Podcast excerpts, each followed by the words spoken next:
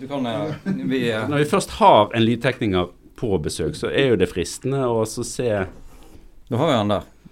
Da kan jeg bare ta Det blir ikke bedre enn lyd enn dette. Vi piker på lydkvalitet antageligvis i dag. Ja, det var. Så, kom, så får vi se hvordan innholdet blir. Ja, ja, nei, innholdet det er jo eh, altså Det er ikke sikkert det blir noe høydere, Nei, nei, det er men, men lyden var i hvert fall god.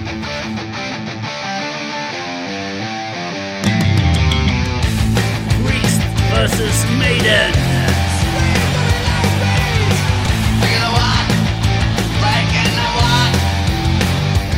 Vel, da sitter vi her igjen, Tarjei. Ja, her sitter vi, Bård. Hei på deg, Hallo, hallo. og god kveld. Og hei til deg, Iver. Hei, hei, hei. Yes. Det er stas å ha besøk. Ja, det er det. Og eh, det er en ting som jeg må bare si. Nå har vi jo, dette, nå har vi jo hatt noen episoder. Og det står 2-0 til eh, Maiden over Priest uh, så langt. Jeg håpet du ikke skulle nevne det, Tarjei, eh, men uh, nå er det nå sagt. Det, det, det minner meg litt om den andre Bill and Ted-filmen. De har sånn uh, de har sånne kamp mot, eh, mot mannen med ljåen. Ja. Og så når mannen med ljåen eh, taper første kampen, så sier han ja, beste to av tre. Ja. Så når han taper neste sam- kampen, så sier han ja, beste tre, fem av tre. Og så, og så det, går det bare Ja. lenger, lenger, lenger enn vinduet. Så det, det tror jeg er vår vei. Ja da, det, det, vi må nok eh, regne med noen eh, ekstra runder. Men, men det hadde vi jo kanskje for så vidt gjort allerede. Altså, eh, markedsføringsmessig så er det helt glimrende for å holde podkasten gående. Ja. Ja, det. Blir det nok en gang eh, Det er, vi er mer geniale enn det vi kanskje av og til tror. Ja, det, det er bra. Det er bra at du geniforklarer oss litt, rann, Ivar. Ja, det skjer ikke for ofte, dessverre. Nei. Nei sant? det, Det er jo på en måte produ en produsents jobb å eh, heve sjølfølelsen. ja. Det er veldig bra. Veldig bra. Men eh, Bård, har du hørt på Heavy i dag? Ja, eh, det har jeg. Og jeg må komme med en liten innrømmelse nå. Ja. Her i en tidligere episode, så, der, der vi snakket om platecover, så nevnte vi jo da Dance of Death, og jeg kom med noen litt sånn utidige uttalelser der jeg kanskje antydet at, at også sangene kunne være skisser, litt siden som, som coveret var. Mm. Og det beklager jeg på det sterkeste, for nå har jeg hørt eh, Dance of Death ikke bare én, men to ganger uh, siste uh, uken. Og jeg er imponert. Den seiler opp uh, til å være kanskje den beste Maiden-platen eh, siden Etter Bruce kom tilbake. Ja, i hvert fall. Hvert fall. Ja. Så, så jeg, er- jeg er svært positivt eh, overrasket, og den kommer jeg til å høre mer på. Ja. Mm. ja nei, for jeg hørte litt på den, og jeg syns òg at han var bedre enn jeg hadde, hadde, hadde huska. Så jeg, jeg, jeg håper jeg blir tilgitt. Jeg vet vi har fått noen reaksjoner. Ja, vi har fått noen reaksjoner på det. vi, vi, blir, vi blir arresterte på alt. Det syns jeg, jeg synes det er godt at folk eh, følger med. Vi fikk jo KX på at uh, den her eh, videoen eh, Priest Live med, fra Screaming for Vengeance-turneen uh, Vi sa jo at den var fra 83, men er fra 82. Ja. Og det har vi jo fått korreks på. Ja, ja. Tilgivelig. ja. Så den episoden den spiller vi vel inn på nytt, tenker jeg, med riktige årstall. Eller kanskje det er bare det at vi legger inn sånne ting for å skape litt diskusjon og debatt. Kanskje vi er, kanskje vi er geniale, geniale sånn som, som Ivar uh, forteller om.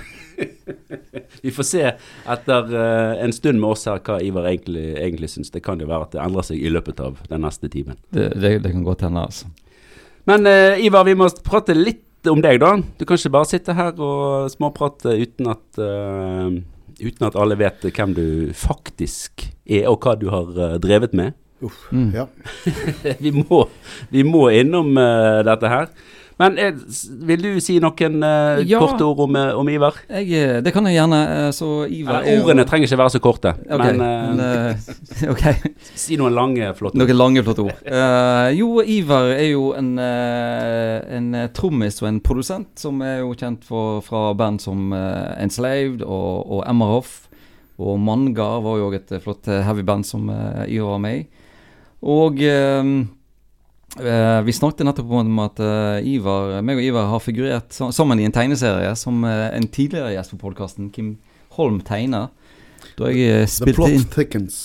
ja, Som jeg som, da, jeg, da vi spilte inn et, en plate med et band som heter Saint Satan Og den platen spilte vi inn på én dag, og trykte den og hadde slippefest eh, samme kvelden.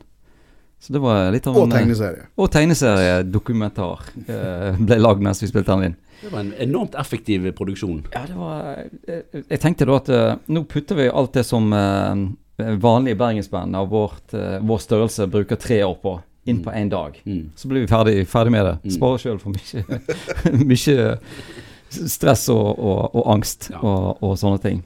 Så um, jeg har jo òg eh, hatt gleden av å stå på scenen med Ivar og spille sammen med Ronny Letekrø. Det var litt av en kveld, du. Ja, vi, spilte Seven Seas med Ronny Letekrø på gitar. Det, Yes. var, det, var, det var ikke verst, altså. Må si det var litt av en opplevelse. Ja, det var en meget varm opplevelse. Det var det var det òg. Det skulle selvfølgelig vært Seventh Son kanskje i denne sammenhengen, Ja, men, ja, men Seven Seas får duge. Ja, det, det gjør det, altså. Så Men, men det var iallfall et eh, pyrobudsjett som hadde vært Maiden verdig inne på lille hulen. Ja, Så. Derav den noe eh, overdrevne varmen. ja, det var Og så var det jo tomt for oksygen på, på scenen, så det var òg en, en, en eh, ny opplevelse å spille uten oksygen. Ronny var proff. Han eh, skjønte tegninga Ja. Hoppa ned i liksom, grava framfor scenen, for Ja. der var det luft. Det Ah. var luft. Sånn, eh, det, var, det, var, det var imponerende, altså. Så um, så, men Ivar er jo her i dag eh, fordi at uh, han er en uh, uh, Han skal uttale seg som produsent, rett og slett. For det er jo det som vi gjør nå i denne podkasten. Vi får noen til å vurdere ulike aspekter. Og så, eh, for oss som kjenner Ivar, så er han jo kjent for sterke meninger. Knallhard arbeidsetikk. Så uh, vi håper jo at uh, begge de tingene skal komme fram i løpet av denne eh, praten som vi skal ha framover. Um, er, det, er det noen uh, heavy-plater som du har spilt på, eller som du har produsert, som du har lyst til å trekke fram, som du er spesielt fornøyd med, eller glad i, eller Ja, altså mm, Nå i senere tid så er det jo kanskje mest som, eh, som produsent, ja. På, eh, og da er det jo en hel haug med Enslaved-plater, for Mm. De liker jeg jo eh, og er stolt av, alle de.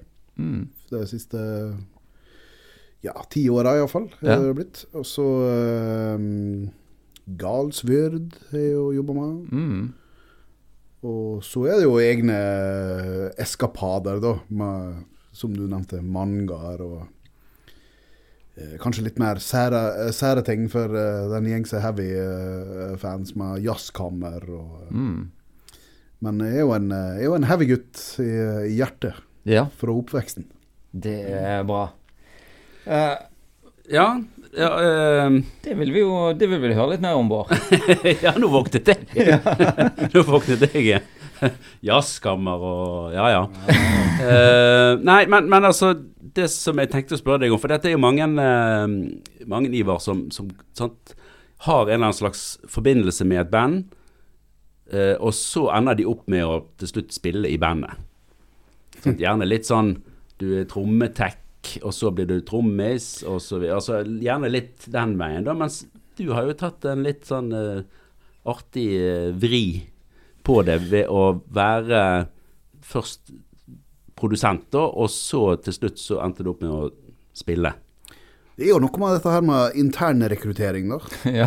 Det er jo veldig effektivt og smertefritt for uh, I alle fall når uh, man i, I mitt tilfelle med en slave, når man kjenner folka så godt, og vi har Mm. vært gode venner uh, veldig mye lenger enn man eh, jobber sammen. Og så den her studiovirkeligheten, så kommer man jo tett på hverandre, og så finner man ut uh, akkurat hvor uh, Mm.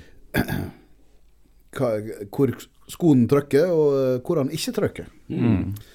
Så Ja da, det må jo ha vært en av sikkert historiens mest smertefrie overganger, kanskje, for Uten at jeg kjenner alle detaljene, ja, selvfølgelig. Nei, det er jo, er jo så uh, pinlig lite dramatikk, egentlig, med det der bandet der. Jeg fikk et, spør fikk et spørsmål eh, en gang om uh, Det var noen som spurte meg nå for ikke så lenge siden. Jeg hadde aldri vært noe drama når jeg liksom har bytta lineup, denne gjengen der. Mm. Så nei, Kan jeg egentlig ikke komme på. Nei, det må være det lille øyeblikket fra folk sier at de skal slutte, til at de har en, en god erstatning på plass. Ja, Hva skjer men så er det jo gjerne sånn eh, da, Det er jo ærekjære folk som spiller i, eh, i heavyband med, med stramt skjema, som oftest. Mm. Så da er man så Ja, jeg skal slutte, men jeg skal jo selvfølgelig eh, det, Her kommer jeg til den gode arbeidsmoralen, nå, Mm, ja. som eh, jeg syns ja, kanskje ganske mange heavyband viser at de har. Mm. Ja, ja, jeg skal slutte, men jeg skal slutte om seks måneder etter at jeg har gjort alt jeg er forplikta meg til. Mm. Ja. Ja, det er flott. Det er jo ganske typisk. Ja, Ja. ja og, og, og um, det ser man jo i, i flere Det var flere kanskje ikke band. så mye før. Nei, nei kanskje På 80-tallet så var det sånn Nei, nå, nå var du eh, Nå slutter jeg. Nå har du lukta på korken litt for mye. Du, er- du er ute. Trommetekken tar over. Mm. Ja. Ja, sant. Eh, men, men da er det jo også sånn at vi må spørre litt hvordan, hvordan det eh, var å være den som skulle piske rundt på Cato Bekkevold fra kontrollrommet, til også til slutt sitte der sjøl og måtte se seg sjøl i speilet av eh, studioglasset der. Ja, nei, enkelte medlemmer i bandet finner jo uh, stor uh, underholdning i det. At uh, noen møter seg sjøl i døra. Så ja, nå. Døren mellom kontrollrom og studio. Eller? Ja, virkelig. ja. Bokstavelig talt. I den døra møter jeg meg sjøl stadig vekk. Ja, du gjør det. Ja, ja, ja. Ja. Men eh, skal vi vende litt tilbake igjen til eh, hvordan eh, ble du, Ivar, eh, en heavy heavygutt? Og hva var, hva var det som skjedde i oppveksten der med, med ulike band og, og sånne ting? Som, som på en måte du ble interessert i, som, som girer deg på kanskje både tromming og, og, og musikk og plate og band? Nei, Det er jo et, eh, et ganske omfattende spørsmål. Men, eh, men jeg har jo skjønt at sånne podkaster, der kan man uh, nerde ubegrensa. Ja, Og gå i dybden og, og i bredden. ja, ja. ja. Så jeg er jo ikke jeg, Når vi begynte med, med band, jeg og mine kompiser, som da midt på 80-tallet, så var det jo mer enn eh, Noen av foreldrene til de kompisene hadde spilt i band, så det fantes et trommesett, og det fantes noe elgitar og en, en gitarforsterker. I entall, mind you. Eh, og, og noen akustiske gitarer. Så jeg har faktisk Eh, og dette er ikke kødd. Jeg husker, jeg husker den første øvinga vi hadde. Og da spilte vi da eh, de utrolig heavy sangene uh, Yellow Submarine og I Just Called To Say I Love You. uh, men jeg spilte jo ingenting. Jeg, eh, hadde, han ene hadde akustisk gitar, og han andre hadde elgitar og var liksom handsome, så han var jo selvfølgelig vokalist. Og så var det en som, hvis far hadde trommesett, så han var jo da trommisen. Mm. Så jeg hadde da den geniale ideen at jeg uh, kunne være produsent. For jeg Ja. hadde losa ei bok om Beatles. At jeg kunne være han som holdt denne mikrofonen som gikk inn i kassettspilleren. For det tenkte jeg, det gjør jo en produsent. Så da kunne jeg være med likevel, sjøl om jeg ikke spilte noe. Eller et mikrofonstativ, som eh, Ja. man i dag kaller det. Ja, det, jeg et Ja. mikrofonstativ. så på mange måter så er jeg jo endt opp der jeg begynte. Ja. med, Ja. Som eh, kanskje ikke verdens beste musiker, men jeg kan være produsent, så får jeg lov å være med likevel. ja. Hmm. Det er fantastisk hvordan sirkel har sluttet seg, da, på et vis. eh, Ja. Eh, Så veldig glad i musikk, da, veldig opptatt av musikk, så det er kanskje der. Eh, og så, men det var jo da begynnelsen, og så kom hvordan Heaven kom inn. Det jeg klarer jeg ikke å huske, men for uh, en guttunge på 80-tallet så var jo Det var jo heavy. Ja, det var den, det. Den, var jo til stede. Det var ingen vei utenom. Mm. Det var det som var tøft. Ja. Jeg husker eh, Jeg har ganske klare minner om første gang jeg så Killers-coveret Mm. til Iron Maiden på en bensinstasjon. Det Var det på kassett, eller var det på På kassett, selvfølgelig. Ja. Ja, det, er det det tøffeste jeg noensinne har sett. Jeg var jo ekstremt opptatt av å tegne når jeg var liten. ja. Tegna masse. Så Eddie var, gjorde sitt inntog. Vi fikk skjenn av lærerne på barneskolen. At, Mm. Fikk ikke lov å tegne flere Eddier i formingstimen. Det er en del eh, kvadratkilometer med regnskog som er gått med eh, til sånn Eddie-tegning opp igjennom på verdensbasis, vil jeg Tror tro. du Altså. det, altså? Det er altså. Men, men eh, hva med Priest, da? Husker du når eh, det kom inn i, i livet ditt på et vis? Ja, der er jo, må jeg jo eh, dessverre bidra til den eh, dårlige statistikken dere har. si at eh, Priest hadde jeg lite forhold til. Eh, med, med et par hederlige unntak. Det var jo eh, Heavy-videoer var jo eh, noe man aldri så. Iallfall uh, ikke ute på ei lita øy der jeg kommer fra. Men eh, jeg husker når Parental Guidance-videoen til Judas Priest ble sendt. Det var jo en av de få heavy-videoene som ble sendt på Hva var det? Videospeilet, eller et eller annet sånt? Ja. På Veras vindu, eller eh, Ja. Det som var av videoprogrammet. Ja, det var et eller annet der. I alle fall så hadde jo da farmor akkurat fått VHS-spiller. Mm. Så dette videoprogrammet ble jo tatt opp. Ja. Så vi kunne Idealt. se det programmet eh, om igjen og om igjen. Med bl.a. Judas Priest. da. Og det var heavy, så det var godt nok. Selv om ikke det var mitt Jeg var jo kanskje mer glad i Maiden enn Judas Priest. En liten spoiler der. Det klipper vi ut. Ingen problem. Men Paraton Guidance var jo da eh, en slags introduksjon, og så dukka jo da, av alle ting, på sånne heavy-samlekassetter som man kjøpte. Eh, så var jo Judas Priest eh, med på en av de med Rockarolla-låten. Å ja. Ja jeg, vet du hva, det synes jeg, jeg synes jeg Du husker, husker at sikkert eh, den, eh, den samlinga der. Det var, de den var der med. Rockarolla. Eh, Paranoid Masabbat var der. Mm.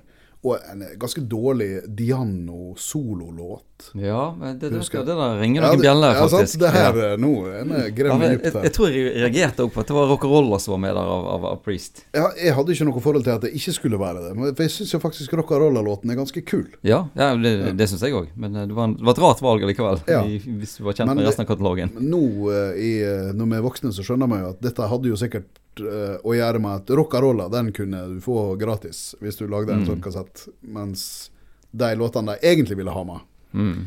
det var for dyrt. For Iron Maiden var jo aldri med på sånne samleplater, f.eks. Mm. Nei, det, det, kan, det kan stemme, det. altså. De priste seg litt ut. De De hadde, de hadde, de hadde en, de hadde en eh, bak rattet der som, eh, som tok sånne beslutninger. Ja. Nei, så eh, Priest var litt mer sånn Men i den, i den perioden der, da, så seiler jo de òg veldig opp med turboplater og, Mm. og liveplater der. mm. Live. Priest, Priest-plata var jo bedre enn f.eks. Worldwide Live til Scorpions. eh, Mm. Men ingen av dem var jo like gode som Live After Death. Nei, men det kan vi vel uh, nesten Nesten være enig i. Eller jeg. Ja, vi eh, Ja, jo, kanskje.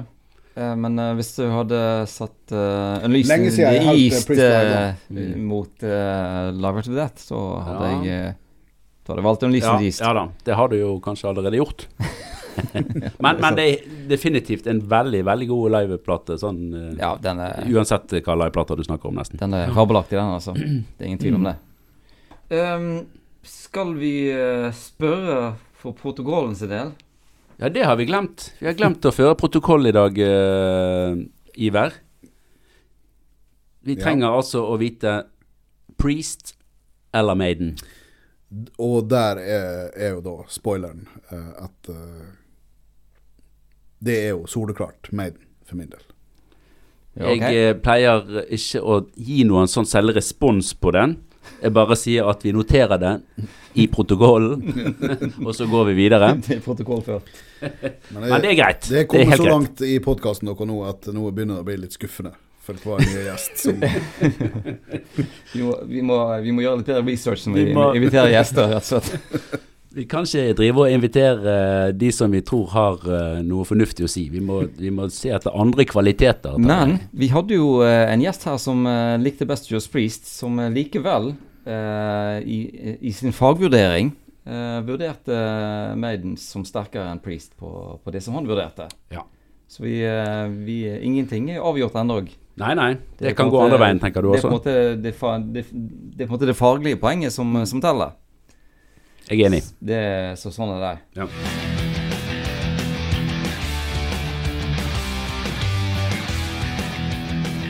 Ja, men ehm, Skal vi, skal vi gå litt inn på da Hva er de eh, topp tre Iron Maiden-låter og favorittplater? Og topp tre Juice Priest-låter og favorittplater av Priest? Eh, med Maiden så jeg må jeg rett og slett bare gå tilbake til hva som ga meg største kicket Mm. når jeg liksom oppdaga Maiden. Og Killers-låten, den syns jeg alltid var utrolig tøff. Det første Når du, når du snur kassetten der, og så kommer den eh, Og når det allerede første sida er vært så bra, og så snur du, og så kommer Killers-låten. Helt fantastisk. Så den, den må man. Jeg vet ikke om jeg skal rangere dem. Uh, og så hva En låt fra, uh, fra Live After Death. For, for min del så var det jo sånn at jeg hørte jo faktisk Live After Death før jeg hørte studioalbumet. Mange av dem. Ja, sånn var det med meg òg, faktisk. Slik at faktisk både Number of the Beast, Peace of Mind og Powerslave hadde jeg lite forhold til før jeg hadde et meget inngående en meget inngående kjennskap til Live After Death-plata. Og da ble jo dessverre de studioversjonene ofte litt slapp. Ja, de går litt eh, De går kjappere på Live Ja, Death. det går kjappere, og det er mer intenst. Og, Ja. Så, så Aces High fra Live After Death, det er vanskelig å toppe. Altså. Ja, den, er, den er bra. Den er Enorm fantastisk. eh, energi. Ja. Og jeg har eh, Det at Live After Death er en sånn veldig god, egentlig best off-skive fra de tre foregående platene der. Så du trenger egentlig ikke uh, de tre foregående. Sånn Nei. vurderte jeg det i hvert fall i mange, mange år. Ja, det er jo omtrent mitt forhold òg. Den kassetten slet de virkelig ut, altså. Vi fikk eh, den og Walkman samme jula. Jula 1985. Så der, der var det kjørt. Men som siste låt, så må jeg kanskje jeg må ta med åpninga på Killers, da. Nok en gang tilbake til Killers. 'Ides of March'. Det var den første Iron Maiden-låten jeg klarte å spille. Ja. Den fikk meg til å spille i bandet som jeg hadde da. Jeg måtte låne meg en ekstra eh, tamtam-tromme, slik at jeg kunne spille de lange overgangene til Clive Burr. Ja, ja. Eh, men den fikk meg til å spille instrumentalen som åpna Killers, så den må være med. Ja, kult. Ja, da var Stilig. da, bra, bra valg. Ja, og vi har eh, plassert både litt trommekarrierestart Ja. nærmest, og ja, kult.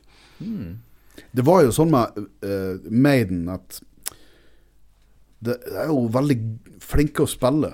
Så det Ja. var jo utrolig vanskelig for eh, en uh, guttunge som bare så vidt Vi måtte jo lære oss å spille sjøl. Mm. Og Iron Maiden det så vi alltid på som helt uoppnåelig. Det var litt sånn Nei, det er altfor vanskelig. Det går ikke an. Så jeg likte Heavy, men OK, Ides of March, den kunne vi klare å få til så vidt, sikkert. Men eh, vi spilte nå iallfall den. Og Revelations, tror jeg. Jøss. Den er var eh, antakeligvis eh, de kjappere delene ikke så bra. Men, Nei. Men det er passelig tempo, de, de versene og, og ja, de, ja, det, det var liksom ja, innafor. Ja. Så sjøl om dette handler om, eh, om Priest og Maiden, så må det jo da bare nevnes hvor utrolig viktig ACDC er for guttungene, for å komme inn i heavyen. For det, vi elsker jo Maiden og, eh, og hardere ting og Deep Purple og sånn, men det var jo så virtuost at det var helt uoppnåelig. Ja. Men når søskenbarnet mitt fikk High Voltage på kassett, og han spilte i bandet mitt, da begynte vi å tenke dette, dette kan vi kanskje få til. Ja, ja. Og der hadde du veien inn i helvete. ja, ja. Men det der, jeg, jeg kjenner meg igjen i masse her, Ivar. For, og eh, Spesielt det der med siden jeg spiller bass, sant, så er det jo eh, Så var det sånn her eh, Og den der Rhyme of the Ancient Mariner, når jeg hørte den, Herre. så tenkte jeg sånn der Shit, hvordan gjør det? Da tok jeg opp bassen og så prøvde jeg å finne det, og så ja, fikk fingertrykk fortere og fortere. Og sånn, det, var, det er helt klart sånne ting som på en måte øver opp, eh, øver opp litt sånn stamina og, og hurtighet og sånt på, på, på instrumentet.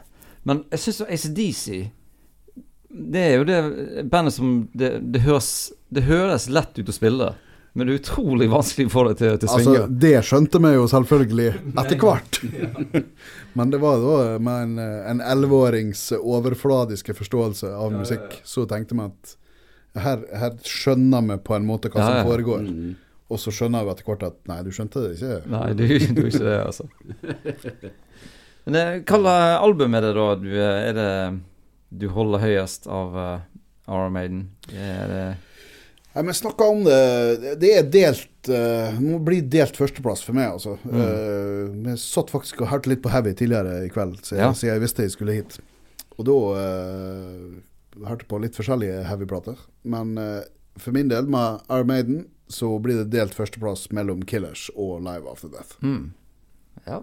Mm. Ja, Ja. men det er Det er absolutt uh, innafor. Jeg skjønner jo hvorfor, hvorfor det er Ja. sånn. Men jeg har jo masse minner knytta til flere av det. F.eks. at jeg den første plata jeg liksom kjøpte den dagen omtrent og kom, var jo 'Summer in Time'. Da fikk jeg lov å reise til Molle, to timer unna. Hadde sikkert et eller annet jeg måtte, men reiste alene til byen. Gikk inn på Dals bokhandel i Molle, som det heter, og bladde gjennom disse her eh, kassettveggene. Fanns, da hadde 'Summer in Time' kommet. I oktober i 1986. Jeg var tolv år. Med kassetten, og jeg hadde jo Walkman, så jeg kunne høre på den allerede med en gang, altså med en gang jeg hadde kjøpt den. ja. Stort. Ja. Ja, da, eh, det var, jeg var 16 år i 86, men da Ja. var jeg liksom på uh, Maiens platebar i Knarvik senter og kjøpte 'Somewhere in Time'. Så, eh, det, var, det var stas. Men eh, la oss nå høre litt om eh, litt, litt mer om Judas Priest. Har du noen eh, låter der som eh, merker seg ut? Ja, nei, altså Jeg, jeg må jo med skam å melde, da som tidligere sagt, at mitt forhold til Judas Priest er jo ganske grunt. Yeah. Men Rockarolla er jo helt uh, tipp topp låt, altså. Ja. Sjøl om uh, Det er den låten som du har fått. Ja, det, det er liksom den Jeg kom på den samleplaten. Nei, men, men det er jo litt mer nyansert enn det. Selvfølgelig er det jo uh, tøffe ting her. Har jo hørt Judas Priest-plater, det er jo ikke det. Men uh, rockarolla, og så kanskje som Det var jo et fantastisk comeback når de kom med Painkiller, sjøl om den er liksom Det var vel da jeg på en måte ble gjenfødt som et litt hardere band, da. ja, det blir det. Og med ny trommis og mm. Så uh, Painkiller-låten er jo uh, der oppe. Ja. Og så må kanskje Jeg vet ikke Hellband for Leather, kanskje. Den Ja. er jo uh, Ja, det er jo en fin, altså. eh, artig partysang. Ja, det, den er jo det, altså. 'Living After Midnight' blir litt for danseband for meg. Ja. Den er litt sånn eh, Kanskje litt sånn Nå er jeg eh, bare på hittene, men det, det, det, der Ja. avslører jeg meg jo da som en, eh, en En person med kun sånn overfladisk forhold til Priest. Mm, ja. ja, nei, jeg, jeg liker jo den, da. Men, eh, men jeg, jeg skjønner du, jeg skjønner hva du mener. Altså. Må jeg kanskje, kanskje må ta med liksom, eh, Parental Guidance og uh, Turbo Lover, som Ja. er liksom fra den tida der. Da. For de, de husker jeg jo Ja. godt at vi, hørte på. Når Mm, det ja. kom. Nei, Turbolov er jo en bra, bra låt. Den har, vi- er den har dukket opp eh, flere ganger. Ja, det er jo faktisk en tøff Allerede. låt. Ja, den er det. Så selv om det var Det var jo litt kontroverser når den kom. Eh, Mm. den kom jo i 86, den òg, samme som uh, 'Somewhere in Time'. Da var det mm, syntgitarer på både Priest og Maiden, og det var, Ja, det var spesielt. det var litt spesielt, altså. Det snakka vi òg om tidligere. Bare kun tre år før så var jo Maiden veldig bastante på å skrive i platene at nei, vi bruker ikke synthesizere. For det, det var veldig sånn viktig markør. Mm. Så nei, synt det var pop, så det driver vi ikke med. Jeg tror kanskje, kanskje vi kan vi bare snakke litt om uh, dette her å være en uh, plateprodusent, som du uh, har, drevet på med siden du var siden du var 11 år. Eh, og nå har jo både meg og Bård spilt inn plate ved flere anledninger. Og denne produsentrollen framstår jo fremdeles litt sånn mystisk for meg, fordi at den er veldig ulik fra person til person, uh, syns jeg. Så eh, noen, eh, noen er veldig på og skal på en måte dra deg litt opp og eh, få fram eh, greier. Og noen er sånn der Ja, her burde du legge inn et solotema og noen akkorder Kanskje de og de akkordene der for liksom å roe litt ned der før låten kommer opp igjen. Mm. Og så um, har vi han der eh, Nei, nå sakker det litt. Spill en gang til. og så har du liksom eh, Du har liksom hele det der spekteret innimellom, eh, innimellom der. Men, men eh, hva tenker du Hva gjør egentlig en, en plateprodusent? Og hva godkjenn, Hva syns du kjennetegner en god La oss si en god heavy-produsent, da? Ja, altså en god heavy-produsent gjør vel eh, forhåpentligvis mye det samme som en produsent i, eh, i de fleste andre sjangre. Eh, og det er jo noe så, eh, så enkelt og vanskelig som å få det beste ut av folk, tenker jeg iallfall. Mm. Og det kan jo da medføre veldig forskjellige eh, attityder, både fra produsenten og det kan være styrt av de artistene man har i studio.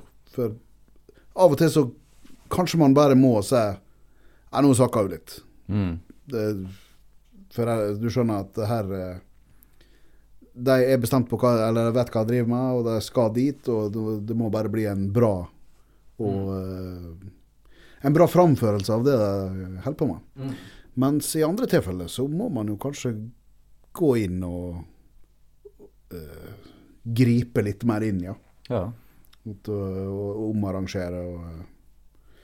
Så det er jo Jeg håp, håper jo at eh, man, man prøver jo liksom å alltid velge den riktige arbeidsmetoden for hver eh, artist, men det er jo ikke sikkert man treffer alltid. Så kanskje du prøver å eh, få da noen til å legge inn et nytt soloparti, eller uh, her må det være en sånn og sånn vokallinje, og så var ikke det det, det, det var ikke mottagelig. okay. Vedkommende mottagelig eh, for. Og så. Så, så det, er, det er da en del eh, Det er er sånn- del er- psykologijobbing også, da? Eller? Det er vel psyk veldig mye psykologi. ja. Mm. så er jo produsentrollen ofte i våre dager smelta litt sammen med teknikerrollen, selvfølgelig. Så da kan jo, kan jo det være en del av det. Mm. Og, eh, og hjelpe folk med å få en lyd som de er fornøyd med. Og, og da skjer det kanskje Var det kanskje nok til at uh, At innspillinga ble bra?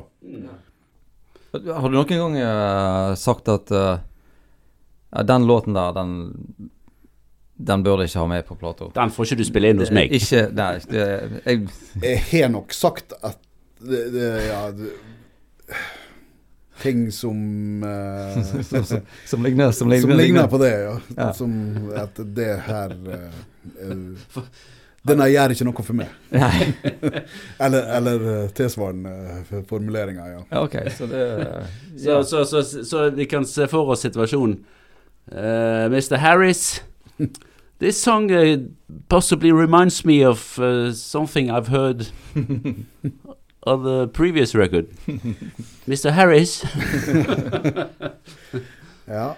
Men, men for det er jo for å relatere det litt, altså, eh, så vil jeg jo tro at det er en forskjell på å spille inn med relativt nye og, og hva skal jeg si, uerfarne artister, da, kontra etablerte band som har gjort dette mange ganger. Og, og det Mm. der å kanskje komme inn som, som produsent eh, etter at de har jobbet med noen andre eh, Mm. lenge. Det er ikke, Ja, øh, hvis, det, hvis det er etablerte folk som, som jeg jobber med for første gang, så er det jo øh, ofte et bevisst valg fra, fra deres side at jeg vil gjøre noe annet.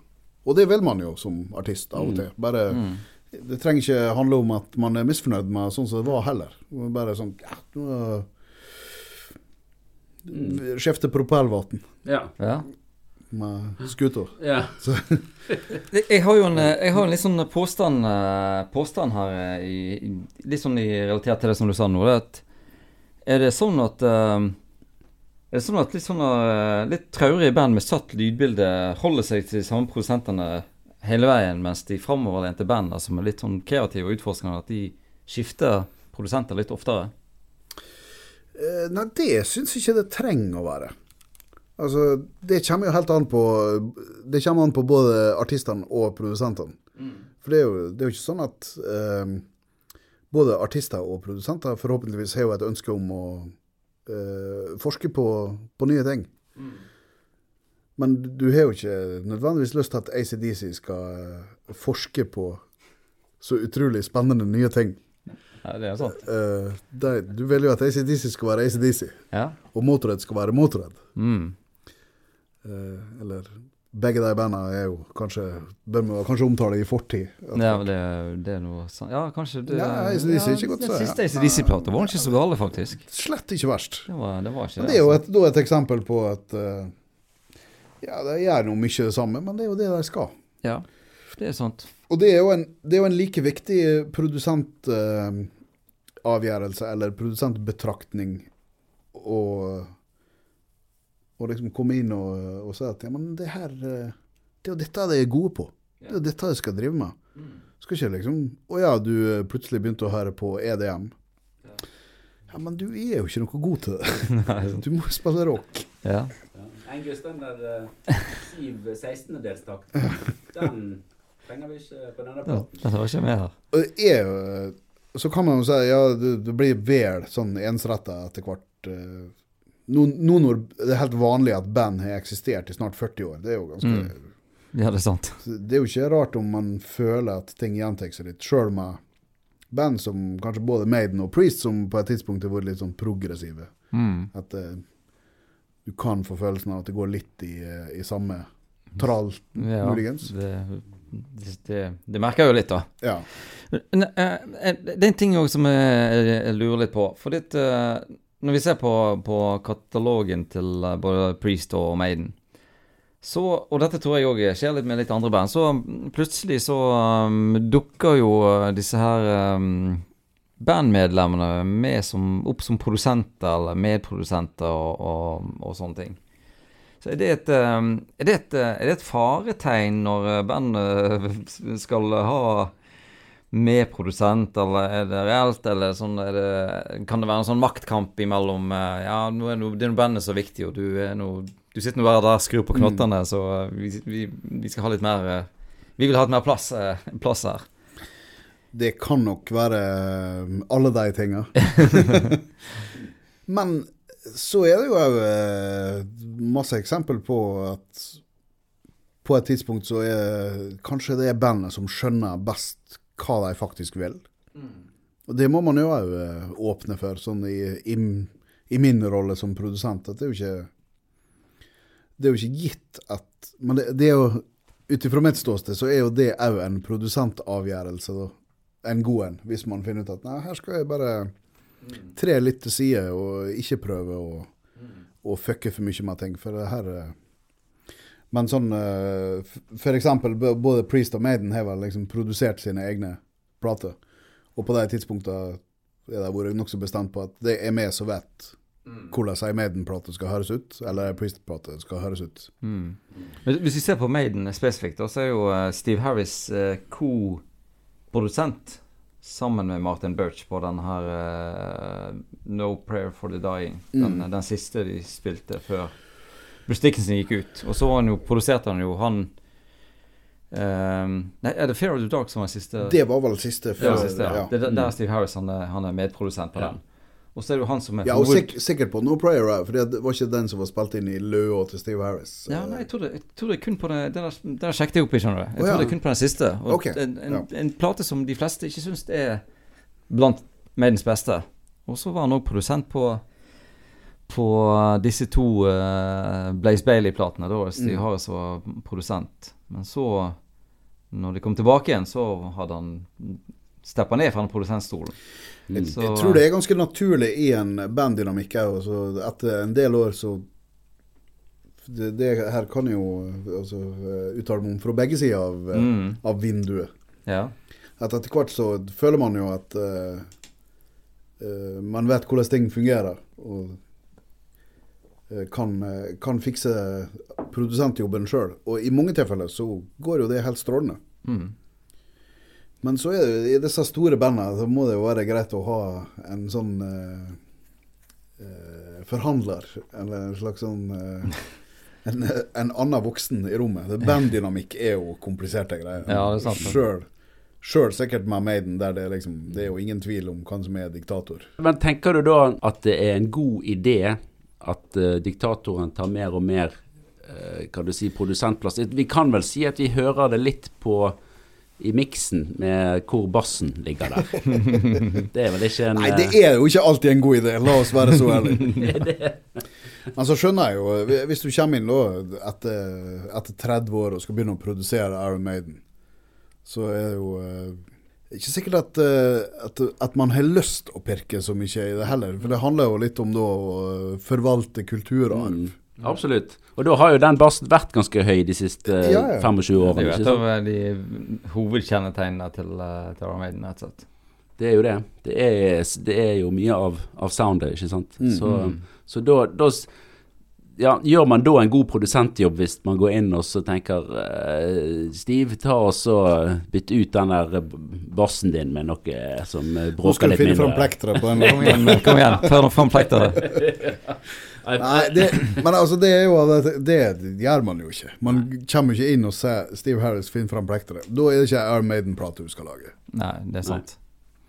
Og Det handler kanskje litt om det at, at uh, Hvor mange plater har Maiden laga nå? Er det 20? Er det? 18? Ja. Ja. 17, 17, 17, 17 på Priest, 18 på Maiden, eller er det omvendt? Kanskje det er omvendt. 16-17 på Ja. begge to, sånn cirka. Da er det jo òg etablert nok noe med at når- hvis det står denne Iron Maiden-logoen på den plata, Ja. så er det en viss grense for tenker jeg, hva den skal inneholde. Ja. Det skal være, det skal være Steve Harris bass. Ja, Det skal blant annet være Steve litt, Harris. bass. eh, Ja, det skal jo det. Og det ville jo, det ville jo jeg tenkt at jeg skal ikke komme her og se, komme med plekteret til Steve Harris. Nei, Hvis man skal ikke. produsere Iron Maiden. Det er sant. For det er jo altså Enhver en- som går inn i et sånt og tenker Bør jo iallfall være litt fan, da. For du har jo ikke lyst til å Nei, nå skal jeg komme inn og nå skal jeg forandre alt med Iron Maiden som jeg ikke liker. Nei, det er sant. Eh, hvis du går inn der, så skal du komme Nei, gi meg eh, Gi meg Steve Harris-bass. Det er en ting som jeg tenker på når jeg eh, har sett gjennom disse produsentene, og, og, Kevin Shirley, som har produsert nå de siste eh, Maiden-platene etter han kom inn igjen, han eh, Bruce Dickinson. Når jeg har sett på hva alle andre plater han har produsert, så er ikke, han- han er ikke noen sånn superproducer, liksom. Det er sånn uh, ja, Ok, de første Black Rose-platene og, og, litt sånn små Mye sånn Jobon og masse i, i, i, i seinere tid og sånn Så. Og Europe, må jeg bare få skyte inn. Ja. Men, eh, men ah, de aller fleste kredittene som han har, er jo som uh, mikser og, og engineer. Og, og det har jeg sett på noen av Priest-platene òg, at de har valgt eh, folk som kanskje eh, har mer sånn engineering-erfaring enn eh, produsenterfaring. Og da tenker jeg sånn her Er det en sånn type produsent du velger når du ikke vil at noen skal eh, rote med, med basslyden din? Ja, da kan han jo kødde med basslyden din. Hvis det, det er jo sånn. men, men du vel kanskje Ja, det er jo et godt poeng. Mm. Men er, er Priest er ikke det litt samme? Uh, Ja, det er noen av disse nyere Priest-platene Ja. der, eh, der det er et par av de som er liksom uh, mer kjent for engineering og, og miksing enn en, en produksjon. Men uh, det var jo Jeg merker jo stor forskjell på den siste plata når han her Tom Alom kom tilbake igjen. Og det er jo rart å si at når han gamle Tom Alom kom tilbake igjen, så revitaliserte han ja. Priest. Mm. Og det var jo første plata han hadde produsert siden uh, Ram It Down. Uh, den plata er iallfall Mm. mye bedre enn den forrige, den Redeemers of Soul. ja, men det er Ja, fint, veldig, ja. eh, fint sånn eh, djevelens advokatspørsmål det til alle som eh, driver med musikk. Er du, eh, vil du helst eh, Du du velger produsent, hva er du på jakt etter? En som Ja. kan mikse, eller en som, eh, som skal komme med input? Ja, sant. Mm, mm. Det, og det, ja, da, da mistenker jeg litt at Maiden han har ja. han er god å mikse og holde Ja. seg litt i bakgrunnen. Og vi får drive på med de der eh, Jeg kan, eh, 45 min- minutters eh, låtene våre på siste ut, låt på uten at han to. protesterer mot at skal det virkelig skal det gå en runde til? Ja, skal du sånn der Må det gå uh, 64 ganger på, på det samme riffet? Må vi ha med denne bom, bom, bom, bom, bom, bom, bom. I denne låten også Steve Harris. Nei, men, men altså eh, For jeg tenker jo at eh, Steven Shirley får bare nå, nå snakker du som en ekte, ekte Priest-fan, følte jeg. Jeg snakker eh, nøytralt om plateproduksjon her. Jeg. Snakker rett fra hjertet. Uh, jo, men at uh, Kevin Shirley som, som produsent uh, Jeg tenker jo at det er ganske åpenbart at han er der og fullfører eh, Steve Harris sin, eh, sine, sitt verk og sine Ja. tanker og ideer. Men jeg, jeg, tror ikke, jeg tror ikke at de andre i Armade nødvendigvis er uenige. Nei, nei. nei, Så eh, slik at eh, Ja. eh, Tipp, de har jo gjort ganske mange plater med han etter hvert, så jeg tipper de har liksom funnet en ny Maiden har jo liksom en Sånn i det store bildet, en historie med å holde seg til mye av de samme folka. Ja, de har Sant. to. Ja, Bortsett fra det var en annen som var på den første plata. Ja, men det var, det var jo eh, Det kan man jo Det var jo ikke noe vellykka prosess, og det, Steve Harris har jo alltid snakka dritt om det. Ja. Og, og det er jo Det må vi jo si, det er virkelig Låtene er jo steingode, men når du kommer til Killers, når Martin Birch Ja, det blir jo annet da. Da eh, Snakk om Martin Birch, altså. For en helt. Har vi snakket for lite om, om han, kanskje? Ja, ja, det- han fortjener det- en, det- en en, liten jeg, sokkel. føler at, jeg føler at Martin Birch generelt er for lite snakka om. Mm. Og Han er jo litt sånn Han ble jo ofte kreditert med Purple og sånn, så var det liksom engineered. Ja. Eh, Men det er jo ikke tvil om at han har, var viktig. viktig. Herregud, en, en mann som er eh, skrudd uh, Made in Japan ja. liveprat og, og vært da eh, ifølge coveret kun tekniker på maskinhet. Det skulle du få meg til å tro. Han er jo selvfølgelig Men ikke han også Eh. som har Nei, nå blander jeg selvfølgelig. Men han har vært òg inni med Black Sabbath, han eh, Ja. Martin Birch. Ja ja, det var jo han som produserte Hevnen Heaven Hell. Ja, stemmer det. Stemmer det. Vi kan vel nesten snakke om hvilke band han ikke har produsert fra gullalderen eh, der omtrent. Ja, helt fram til Maiden, og så ble han liksom Så forplikta han seg til Og så var, var det kun å henge med Maiden Ja. Mm. til han ga seg, Ja. Mm. Egentlig. ja, OK, så det er derfor han har Ja. eh, at, Ja, det er litt eh, den eh, Hva skal jeg si Uskrevne kanskje kontrakten kunne tenkt meg å sett, eller hørt om. Men når du ser hva han faktisk har gjort Han er jo Hvis vi går til side for Heavyen enda en gang, da. Han, tidlig i karrieren så var han jo tekniker på en av mine all time favorittplater, Then Play On med Fleetwood Mac. Og gjorde flere innhopp med Fleetwood Mac utover 70-tallet. Så meget uh, versatil type. Og rett og slett en, eh, en meget god produsent og mikser og tekniker, åpenbart. En slags uh, forløper til det som nå er normen, har jeg inntrykk av. At han, han gjorde liksom Han var tekniker og produsent. I en tid da det ikke var helt vanlig. Eh, Det ble vanligere etter hvert. Ja. Det, det, det syns jeg er interessant. eh, Og eh, at, eh, de, at, at Maiden hadde på en måte en skikkelig dreven produsent fram si, Er det lov å si gullalderen? Altså Du hører jo når de, Det- det- det når de snakker om han og, og prosessen Ja, eh, sånn, sant? Det er jo ikke tvil om at han pisker som som Ja, og, det, faen. og det tror jeg vi kan Det hører man Mm, eh, ganske godt. Og, og sant, alt sånn når det gjelder studio, i hvert fall innspillingsteknikk. Sant, når du tenker på hvor mye eller annerledes det er i dag enn det Mm. var for 30 år siden, så, det, så er det jo en annen det, Der tenker jeg at produsentene hadde en litt annen rolle enn de har i dag også. Mm. På hvilken måte, tenker du da? Nei, at det der å, å piske folk gjennom 30 takninger til, Ja. til, til det faktisk blir så bra som det kan bli. Selv om de som spiller kanskje ikke opplever det sånn. Mens i dag så kan man klippe sammen et par takes, og så eh, Ikke nødvendigvis at du får den energien som, som men, men at tar man seg tid til de 30 takene i dag?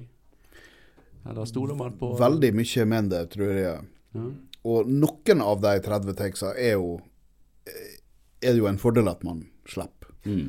For der, Ja, ja. der, der har jo eh, teknologien selvfølgelig gjort, uh, gjort det mulig nå å heller ta vare på energien. Mm.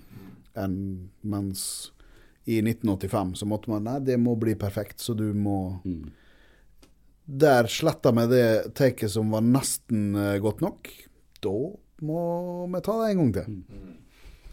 Nå må det bli bra. Brutalt. Men uh, det ble mye gode eh, innspillinger av det, gitt. Det Det, det blir det, altså. Hvis vi skal prøve å, å på en måte komme oss litt inn på uh, dette med Juice Priest og Armaden og, og produsent og, og um, Er det noe, siden det er Maiden du har mest, eh, mest forhold til, er det noen sånn uh, Maiden-plate som er spesielt godt produsert, eller noe som eh, Er det noen produsenttabber rundt omkring du, du har hørt, eller er det jevnt bra, eller merker Altså, du forskjell på de nye og de i- gamle? Og, Ja, altså, i, i lys av det vi snakker om, så er det jo ikke Det er jo ingen hemmelighet at jeg er Martin Birch-fan. ja. Og uh, hørte på Killers senest uh, tidligere i dag, og det leter jo faen meg steinbra. Kanskje vil nesten hevde at det kanskje er den Maiden-plata som ut fra min personlige smak fremdeles let best. Mm. Og hvorfor, det kan man jo spørre seg om. Jeg syns jo òg at øh, med Black Sabbath at Det er noe med den første Black Sabbath-plata som bare let så utrolig eh, bra. Og det er ganske u, det er lite skrudd, da. Så det, kanskje det har noe med at jeg liker at ting ikke er i produsert. Det kan godt hende. Den ble vel spilt inn på Det var jo gjort på en eller ettermiddag, Ja, noe ja. sånt, ja. Ja. Og eh, ja, sånn av et band som hadde spilt dette masse ganger. Mm. Og det er jo litt det samme med Killers, kanskje. For det, jeg vet ikke hvordan den var gjort, om, det, om det var sånn trommen først, og så bassen og Men det framstår i alle fall som veldig sånn enhetlig. Så jeg alltid syns at Peace of Mind og, eh, og Number of the Beast i alle fall av og til kan føles litt sånn daff på en eller annen måte.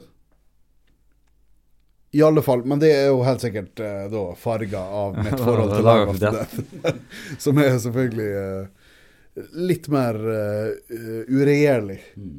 Men, men hvis vi da Nå snakker vi litt om Maiden, og så får vi snakke Ja. om Priest Ja, vi skal komme komme inn på Priest. Eh, det, det, det der gir jeg meg ikke på, altså. men, men der, hvis vi sammenligner da f.eks. Uh, Powerslave, som er ganske tørr Men jeg syns jo den produksjonen låter veldig bra. Og så har du Summer in Time, der det er veldig mye klang og en helt sånn annen type stemning. Mm. Eh, samme produsent Ja.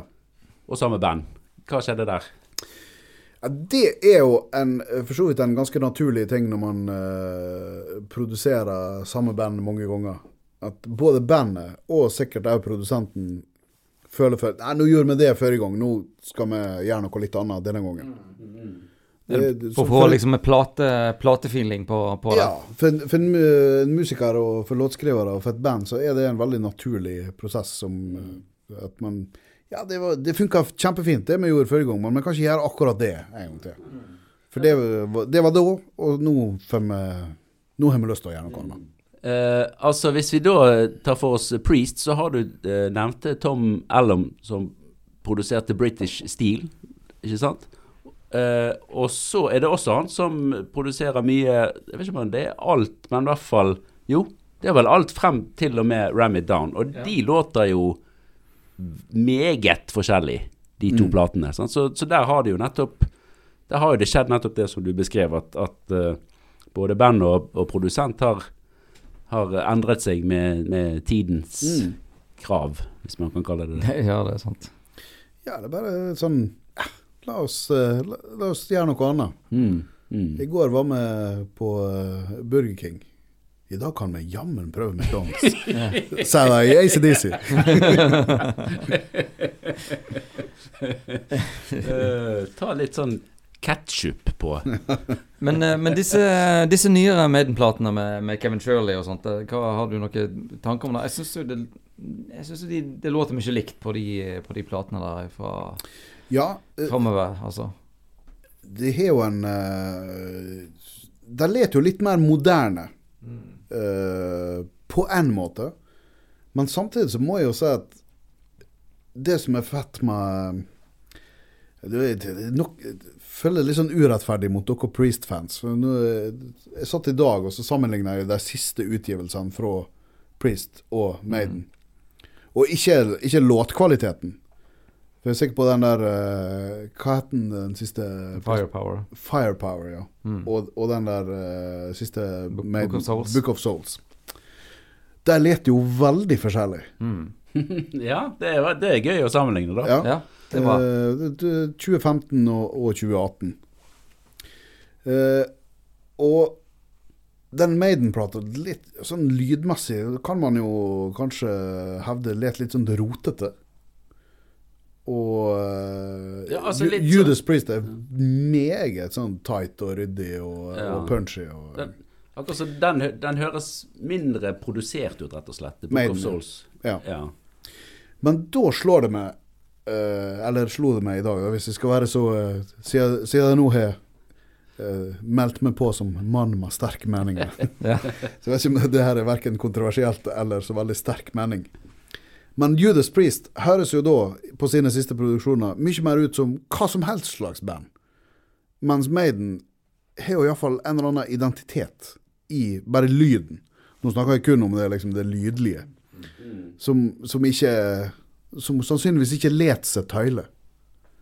Mens Priest-riffa er jo mye mer egnet til å liksom ta inn i en skal man si, moderne metal-produksjon. Mm. Ja, men, Som men aldri hadde, aldri hadde funka for meg. Nei, men, men Priest har jo hatt sånn sett moderne metal-produksjon siden 1990 og Painkiller. Ja, det kan du si, eh, sant? ja. Mens, mens Maiden har i- Vi har hatt i- gammeldags Maiden-produksjon siden Ja, altså du, jeg, man, Jeg vet ikke hva man skal si om disse som, Altså disse her uh, uten Bruce Dickinson, de to, altså uh, ja, de, nei, Ja.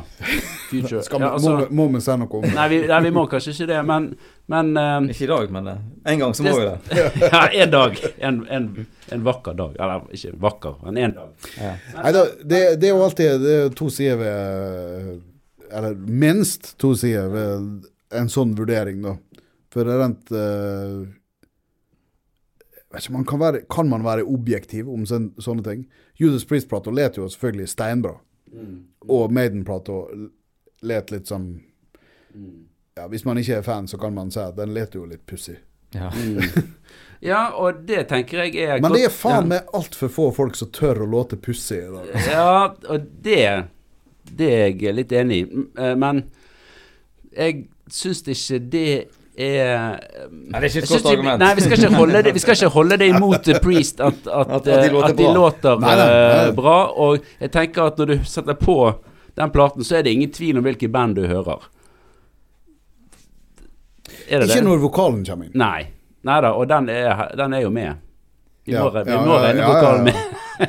Men- mens mens uh, Men hvis vi først snakker om det produksjonstekniske, så er det Det kan være ganske stor tvil fram til vokalen. Ja, ok. Ja. det. Ja, jeg har egentlig ikke tenkt, tenkt Men, over men det, men det, ja. det, det er et annet aspekt av da, er at eh, um, Jeg tror jo egentlig at Priest-sounden har vært mye mer, hatt mye mer påvirkning på moderne metal Altså, enn la- Armaden-sounden har hatt. to, ja, ja, for Sånn Maiden er jo så utrolig Maiden Ja. at du kan jo ikke altså, Folk kan ikke komme og låte som Maiden. Nei. Og tross alt, vi skal jo gi uh, æren Æres den som æres bør. Og Judas Priest er jo tross alt et 70-tallsband. Det skal vi heller ikke glemme. Og de har jo påvirka Maiden massivt. Ja visst. Så det, ligger, det, det, det går jo uh, Mm. Så kan du jo si at Priest har hatt mye større eh, påvirkning. uh, Ja, egentlig, Maiden, egentlig til, den, til den grad at ja. faktisk at når de kommer med nye låter, så kjenner du det litt igjen i, moderne metal, fordi Mm. de har hatt så stor påvirkning. Mm, mm. Og det er sånn det er jo mange band som òg har stjålet sin del av Maiden, og, nei, av uh, ACDC, og gjort sine karrierer ut av det. Mm. Men det er litt vanskelig å stjele fra Maiden. Det er, det er kanskje Halloween som har gjort det, men eh, det er litt vanskelig å, å komme Ja, og unna med, med, Hvordan gikk det? De, måtte jo òg gi seg litt på det. Ja, jeg tror det. Mm. Men, men eh, litt tilbake til, til, til soundet der. Da, så tenker jo jeg litt sånn at, at omtrent alle de produksjonene med Kevin Shirley, så er det litt sånn rigg opp og, og plugg i og spill, på en måte. Og så tar det opp det som uh, Ja, at det er litt sånn uprodusert, og at det er jo Det tyder jo på at Jeg tror det, handler om litt som en filosofi som Det blir jo spekulasjon, selvfølgelig. Men jeg antar at det handler litt om å, Mm. som jeg sa, forvalte kulturarven. Ja. Mm. Maiden let sånn. Ikke fuck med det. Før, Mm. Iallfall ikke før mye. Og da får du jo da et, et eh, utslag med at man kan, man vi kan være enige om at Uh, det kan låte litt konstig. Mm. Men meget, meget særprega. Ja, ja. Særpreg, Men soundet er jo da mye sant, Bassen til Steve Harris og eh, Men også trommene har jo ganske tydelig signatur. Mm. Det er noe med det Eh, der sant? enorme trommesettet. Det, det påvirker jo hva som Ja. Hva, det står- hva annet er plass til? Det står jo der på en måte som et, eh, som et klangelement som Mm. Ja. melder seg på. ja, det, det gjør det jo helt sikkert. Mm. Ja. Men, men jeg, tenker sånn Nå, øh, nå har du vært inne på noen låter fra Turbo. Og noen låter fra Og, og eh, Somewhere in Time også, som et album. Så, og disse to kommer jo ut samtidig. Så, ja, ja, 86 begge to. var ikke det? 86 begge to, ja. Mm. Så eh, hva tenker du eh, Har du noen sånn tanke om produksjon på, på de to i forhold til hverandre? Nei, det har ikke, det har ikke satt dem opp mot hverandre eh, på 35 år. Nei, sant? Så, eh, men, men det som iallfall ikke er tvil om, er at den Vi snakker om å så du oppfatter Kevin Shirley-produksjonene som å bare rigge opp og, og spille det inn. 'Summer in Time' er jo definitivt ikke ei sånn plate. Den leter jo jævlig skrudd. Mm. Ja, nå- det, ja. der, der er det i alle fall jobba med å tweake og Mm, styre. Og, og kanskje den mest uh, skrudde platen i Maiden-karrieren, uh, eller Ja, kanskje. katalogen, faktisk. Mm. da. Men, men uh, ja. Så sånn sett så let han jo veldig eh, eh, tidsriktig fra 1986. Ja, han gjør det. For da var det mye skruing. ja, ja, ja. Ting låt ganske rart eh, her og der. Nei, og det viser jo at, at produsentene også, i, sammen med bandet, vil en jo tro da, at de, de følger litt med i det som, eh, som rører seg i, i tiden. Da. Men så har de òg litt sånn eksempel på det motsatte, at band oppsøker en produsent med en helt bestemt sound, og så har du ender det opp med fem band som låter egentlig mer eller mindre helt likt, fordi at det er en produsent som måtte ha sin signatur Ja. Eh, og så får han bandet til å, å låte mer eller mindre likt. da. Ja, for de er på jakt etter ja, det, det var en jævlig fet sound. Sånn vil vi ha det. Ja. ja da, det er jo en del eksempler på Ja, ja, nå, nå tenkte jeg plutselig på det som foregikk nede i Tampa i, på 90-tallet, Mm. der i dødsmetall. Sånt, der, der, ja, det til tider er jo ganske vanskelig å skille låtene fra hverandre fra ulike band, faktisk. eh, Før vokalen kommer inn, i hvert fall. Ja. Sikkert litt eh, med, med en del sånne sjangere så handler det jo òg om at hvor i helvete skal vi gå og spille inn denne musikken som ingen forstår? Og det, å ja, han! Han skjønner faktisk sånn eh, Eller det studioet der kan vi Dette husker jeg jo jækla godt fra, eh, fra når vi begynte med å spille heavy og holdt på med trash på slutten av 80-tallet. Det å gå i studio da, da endte du opp med en eller annen fyr med, eh, med liksom bleika hår og eh, kun Toto-plate i samlinga. Det var bare de som hadde studio. Jeg skjønte, Iallfall der jeg kommer fra. De skjønte jo absolutt ingenting av vrengitar og eh, liksom trash metal. Og, så vi var, endte jo bare opp med at vi var mye, mye mer fornøyd med å spille inn på en firspors sjøl. Ja, eller omtrent bare kassettspilleren i øvingslokalet. Ja, ja, det låt det- mer eh, riktig enn hva, hva en tekniker klarte å, mm. Men, men eh, apropos det, så, eh, så Jeg syns det er interessant med, med den her uh, Servings of Destiny-plata til uh, Just Priest, som egentlig er blitt en veldig klassiker, og mange mener at det er på en måte Når kom den? Den kom i 75, tror jeg. Eh, Det som jeg vil si, da, det er at eh, det er jo de som produserte Sad of Destiny, som er på en måte har The Ripper og, og, og, um, og alle de her uh, Victim of Change og alt det der. Det var jo to karer som heter eh, Dennis McKay eh, Nei, nei da. Jeffrey Calvert og uh, Gareth Hughes. Hughes. Og de var òg en sånn duo som kalte seg for Typically Tropically. Som hadde en kjempehit i samme året med en sånn slags Gran Canaria-sang som heter Barbados. Ok. Det kan vi, vi kan legge ut denne på, på, på, eh, på Facebook-sida, men eh, Ja. det, var, det var en helt sånn eh, surrealistisk eh, match, syns jeg. Men den plata da er jo steintøff allikevel. Så, og, og uten at den er så Altså, Just Freeze har ikke vært redd for å lefle med det som er poppete, men, Nei, nei. eh, men på Sad Wings of Destiny så er det ikke så utprega. Altså, The Ripper er ikke utprega poppete, poppete låt. Og det var den eneste plata som de produserte med dem. Det var helt rart. Og de, de har produsert masse andre ting, men aldri noe Aldri noe sånn kjente navn, eller masse sånn, sånne egne, egne musikerhiter og sånn der. Så Men, men det er, i, i, eh, i alle fall på 70- og, og 80-tallet så er det jo litt sånn i, i, uh, i skuggen hvem som egentlig gjorde ting. ja. Jeg sier ikke at det er tilfellet her, men jeg bare tenker jeg har tenkt litt på at eh, man, man er så opphengt i hvem som står kreditert som produsent. Mens det egentlig er jo Når vi snakker om produksjon, så snakker vi jo ofte om lyden. Så kan være tekniker.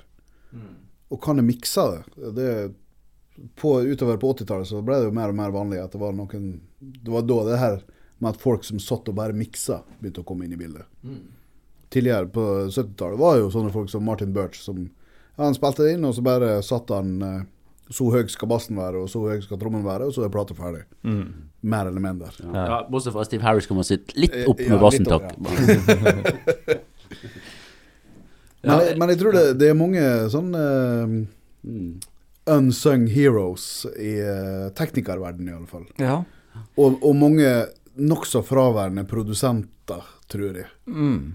Som Det- var det som bare er- innom og kanskje ikke gjorde så mye, men det var liksom bandet og teknikeren fant ut av det. Ja, ja. De her som plateselskapet har hyrt på som produsent, det Ja, men- Men det, det, men det er interessant med, med akkurat den her uh, Sad Wings of Destiny. Fordi at han produsenten der han, eh, Du har øvd på navnet hans, uh, Bård.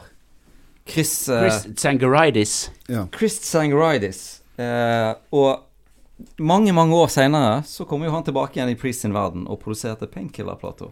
Nettopp, Så han var, han var da tekniker på Kanskje han hadde en eh, finger mer, i, mer med i spillet enn eh, Mm. en, det som han er kreditert for, eh, faktisk.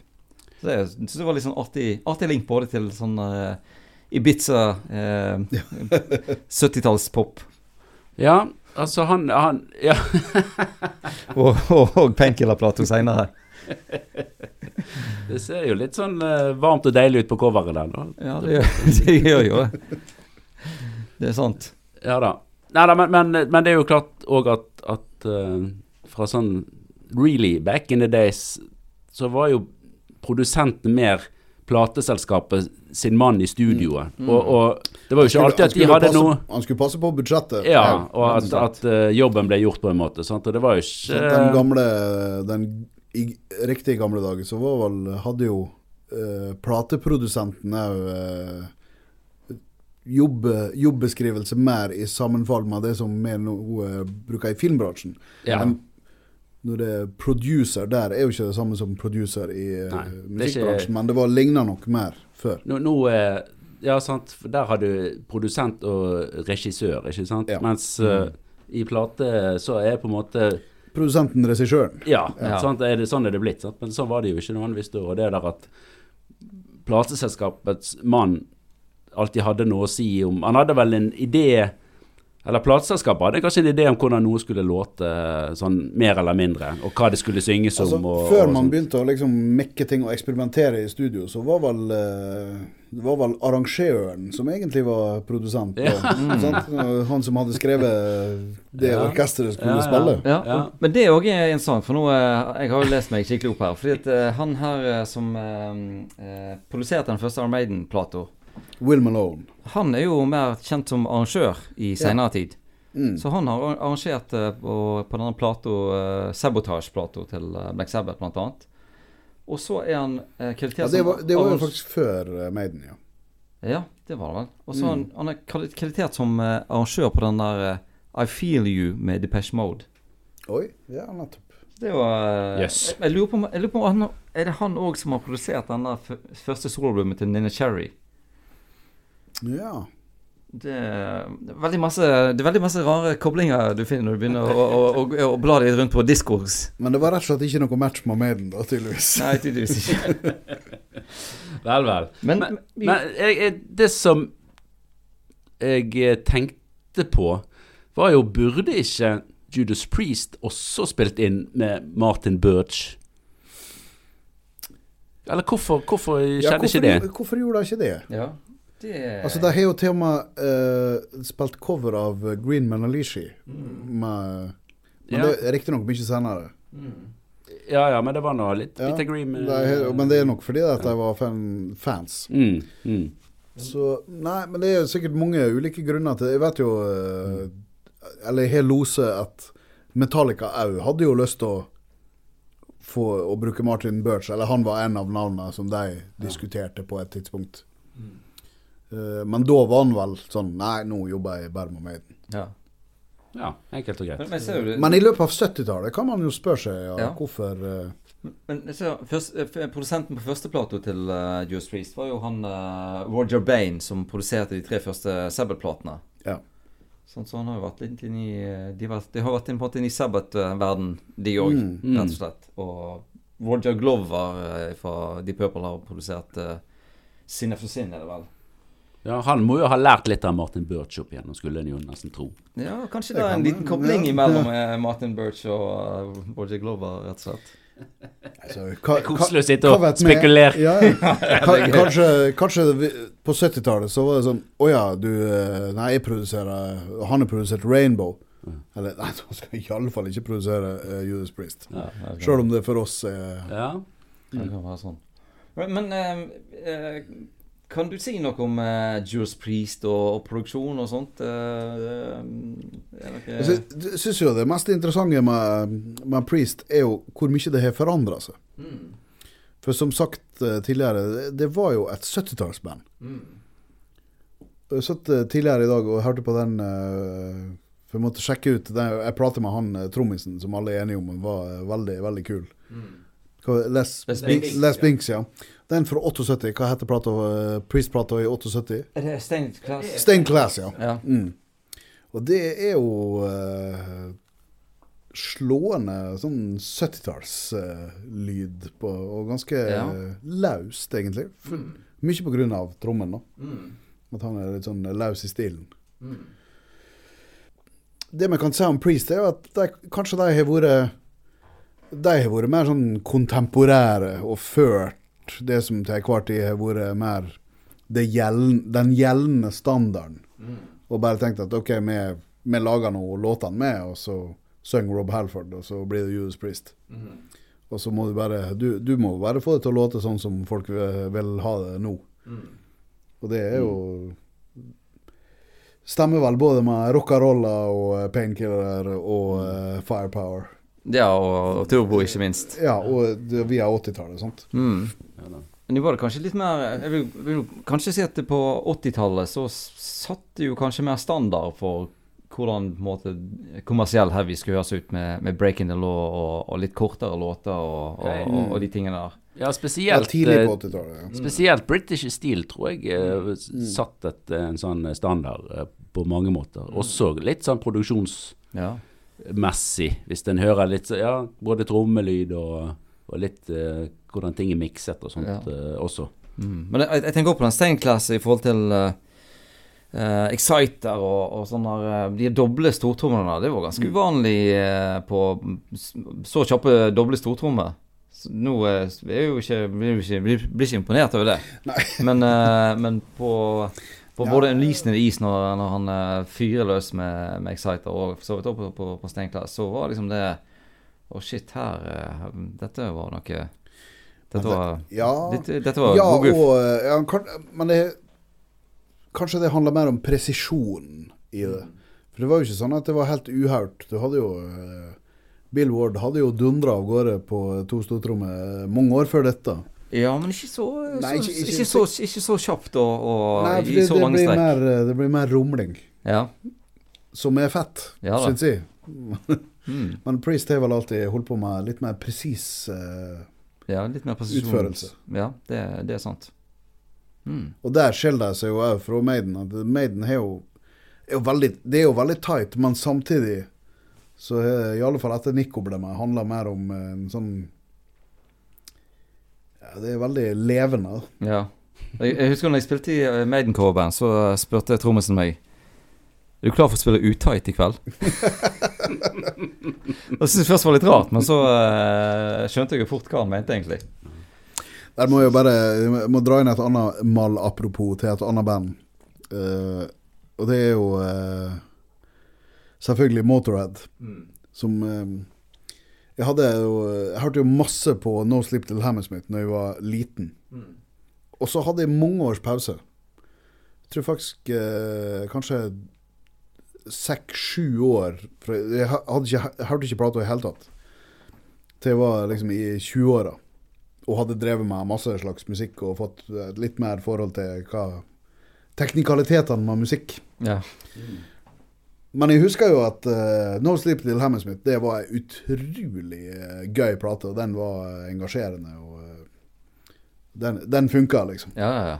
Så når jeg hørte henne igjen, eh, sånn mellom sju og ti år etterpå, så var jeg helt sjokkskada. Hæ? Dette henger jo nesten ikke sammen. Det, det holder jo på å eh, gå utfor veien eh, i hver eneste sving. Og det, da var det lærdommen å ta av det at OK, det, dette her krasja nesten hele tida. Men likevel så var det en av de absolutt kuleste platene du visste om når du var 13-14 år. Ja, ja visst. Så det, det sier jo noe om at det betyr faen ingenting. Så det, det, er, det er engasjement og liksom energien i det Ja, ja visst. som, som har betydning. Mm. Og Motorhead, det hadde den energien. Ja, ja visst. Og jeg tror litt det har Maiden òg. Mm, at det, det, det, Og det er litt skal nok to, være. Hva liker du best? Priest har handla alltid litt mer om presisjon, Mm. mens eh, Maiden, og i mye, mye større grad Motorhead, handler om utøyla energi. Ja, det er sant. kanskje det som er Hvis, hvis, man skal, hvis jeg skal prøve meg på en uh, slags uh, filosofisk betraktning om uh, hva, hva er heavy, og hva skal en god heavy-produsent være, Ja. så er det å finne balansen mellom presisjon og utøyla energi. ja. For god heavy bør ha begge deler. Dette var, dette var visdomsord. Ja, dette var, det var veldig godt sagt. Så, eh, nå fikk vi skikkelig betalt for at vi hadde invitert Ivar. Nå har vi det der på, på teip, som det heter. Eh, Dere bruker vel fortsatt det uttrykket, Ivar? I, Ja da, jeg, jeg, sier du 'nå har jeg opptaket på disk'? Altså, eh, jeg har adoptert et uttrykk fra eh, en eh, produsent som jeg jobber mye med som musiker, Jørgen Treen, som mm. da eh, tidlig, tidlig eh, allerede for mange, mange år siden begynte å si 'The calculator is calculating'. I stedet for 'båndet går'. Da blir det litt mer klinisk igjen, men, eh, men, men det er den verden vi Men det lever i. er virkeligheten. Ja, Ja, det er jo faktisk det. Så kalkulet, kalkulatoren kalkulerer. Men da lurer jeg på eh, Jeg lurer kanskje ikke så veldig masse på deg, men eh, hvordan har din kalkulator nå eh, kalkulert i forhold til eh, bruk av, eller produksjonen av Just Priest i forhold til produksjonen av Armaden? Hvem er det hvem er, er, Hva er din mening som produsent at uh, har fått det best til, syns du? Um, Det er fint med en Kan sånn liten fanfare. Altså, kan jeg, kan jeg være som, eh, som, som en god produsent eh, av og til må være en, eh, en god forhandler? Mellom Kan jeg gi et halvt poeng til hver? Ja, det, er- det er feigt. Det er feigt. Hvis, du vet, jeg, Men, er- eh, men jeg, jeg, jeg syns ikke jeg kan argumentere for det. jeg, jeg føler ikke at at hver, hvert fall, Kanskje jeg sier sjøl at jeg skal være dommer og sette meg sjøl og gi deg så strenge regler som du ikke kan leve etter. Okay, jeg, jeg er jo Maiden-fan, så hvis jeg må velge, så er jo eh, Martin Birch er uovertruffen. Så da går poenget mitt til Maiden. Men eh, sett, det er jo Mitt forhold til, til Maiden stoppa jo egentlig i 1988. ja, ja. Så når Martin Birch ga seg, eller det var jo litt etterpå Så hvis man ser da på begge banda sin karriere, så syns jo eh, Kanskje vi må gi Priest da eh, kred for å liksom å holde seg De har jo faen meg holde, seg, holde det gående. Og, og holde seg liksom relevant, faktisk. Eh, på lik linje med Maiden, da. Ja. Men på en annen måte. Mm. Som Ja. sagt, Maiden er sta og eh, står på sitt. Mm. Og, det gjør Priest òg, men de forholder seg litt mer til liksom kontemporære standarder Mm, inn, innen heavy. ja. Så, Ja. så hvis vi kan dele, så gir jeg et halvt poeng til hver. Hvis jeg må velge, så blir det Maiden. Ja, okay. Sorry. Det får vi, vi ta opp i eh, redaksjonen. Men Så eh, kan vi få avsløre det neste episode. ja, det får vi gjøre. det. Men uh, selv om det frister jo litt, og nå siden uh, det sto 2-0 til Maiden før denne episoden, så frister det jo å si at ja, nå uh, kan vi bende litt på reglene. Og, gripe det halve og poenget gripe det halve begjærlig. poenget. Jeg tror, jeg tror du tenker det samme som meg der, ja. Her må vi, klamrer vi oss til det vi kan, det vi kan få. Ja, jeg tror kanskje Så, in, i- så diplomaten Iver Sandøy kom inn. Ja, men det er jo også det, er jo- det er jo er, litt han, der, er, han sjelden, er han en sjelden eh, variant av Ivar Sandvik? Noen vil sikkert hevde det. Ja, men det er jo litt der vi møtes, eh, siden vi liker jo heavy alle sammen. Ja. Uh, Og- så, og, og, og, både skal- Priest og Maiden uh, Med, og, Heavy kommer jo i mange former. Det gjør det også. Mm. Så, så, um, så jeg tenker at, uh, at det der er det mulig å, å kunne gå for. Ja. En deling. Vi, vi får si det. Og da, eh, Ivar, så eh, må vi jo takke hjertelig for at du tok deg tid til å komme og prate her, og gitt oss mye, mye innsikt i eh, denne produsentverden som er litt mystisk for oss, og mange ting som vi Den er fremdeles på. mystisk. Den er fremdeles mystisk. Ja da. Det skal han, Det skal han sikkert forbli å være. Ja. Og i tillegg, vi har også fått snakket litt, grann, litt grann trommer. Ja. Kanskje ikke, ikke nok. Men da kan, jeg, da kan jeg melde meg på til slutt bare og si hva er din Iron Maiden-favoritt-trommis? Ville du kanskje spørre om? Og mitt svar er jo da eh, Clive Burr. Det, det var det jeg skulle komme frem til i neste program Ivar skulle være med i. Men ok, da har vi, da har vi på en måte lagt føringen for Da, da klipper vi eh, ut, i, vi klipper ut akkurat det, og så blir det en eh, episode, neste episode. Altså, jeg, jeg bor 100 meter unna, så jeg kommer og snakker om trom, trommiser når som helst. Ja, det er på kort, på kort varsel. Ja, det er veldig greit å vite, faktisk. Ja, Nei, flott. Da uh, avslutter vi for i dag, da. ja vi, det får vi gjøre. Og takk til deg, eh, Bård, og takk til deg, Ivar. Ja, Takk, takk. det, de, de går rykter om at vi har noen Facebook-sider, og Ja, det har vi. Ja, vet du noe mer om den? Ja, vi har en Facebook-side som heter Priest versus Maiden.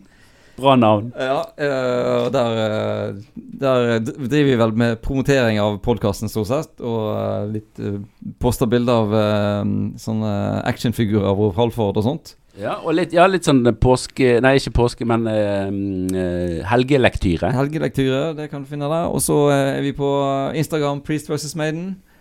Og så er vi på TikTok. Uh, og der er det fire stykker som følger oss. Men uh, Det, for, det holder, det for meg. Det er egentlig bra. Men uh, jeg tenker at hvis de nå lager en TikTok med, med Ivar, da uh, skyter de været. Oh.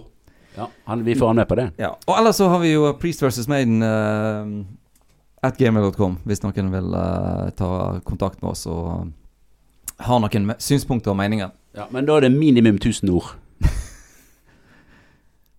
Nei. Jo. Ok. ok. Takk for nå. Ha det bra. Boom.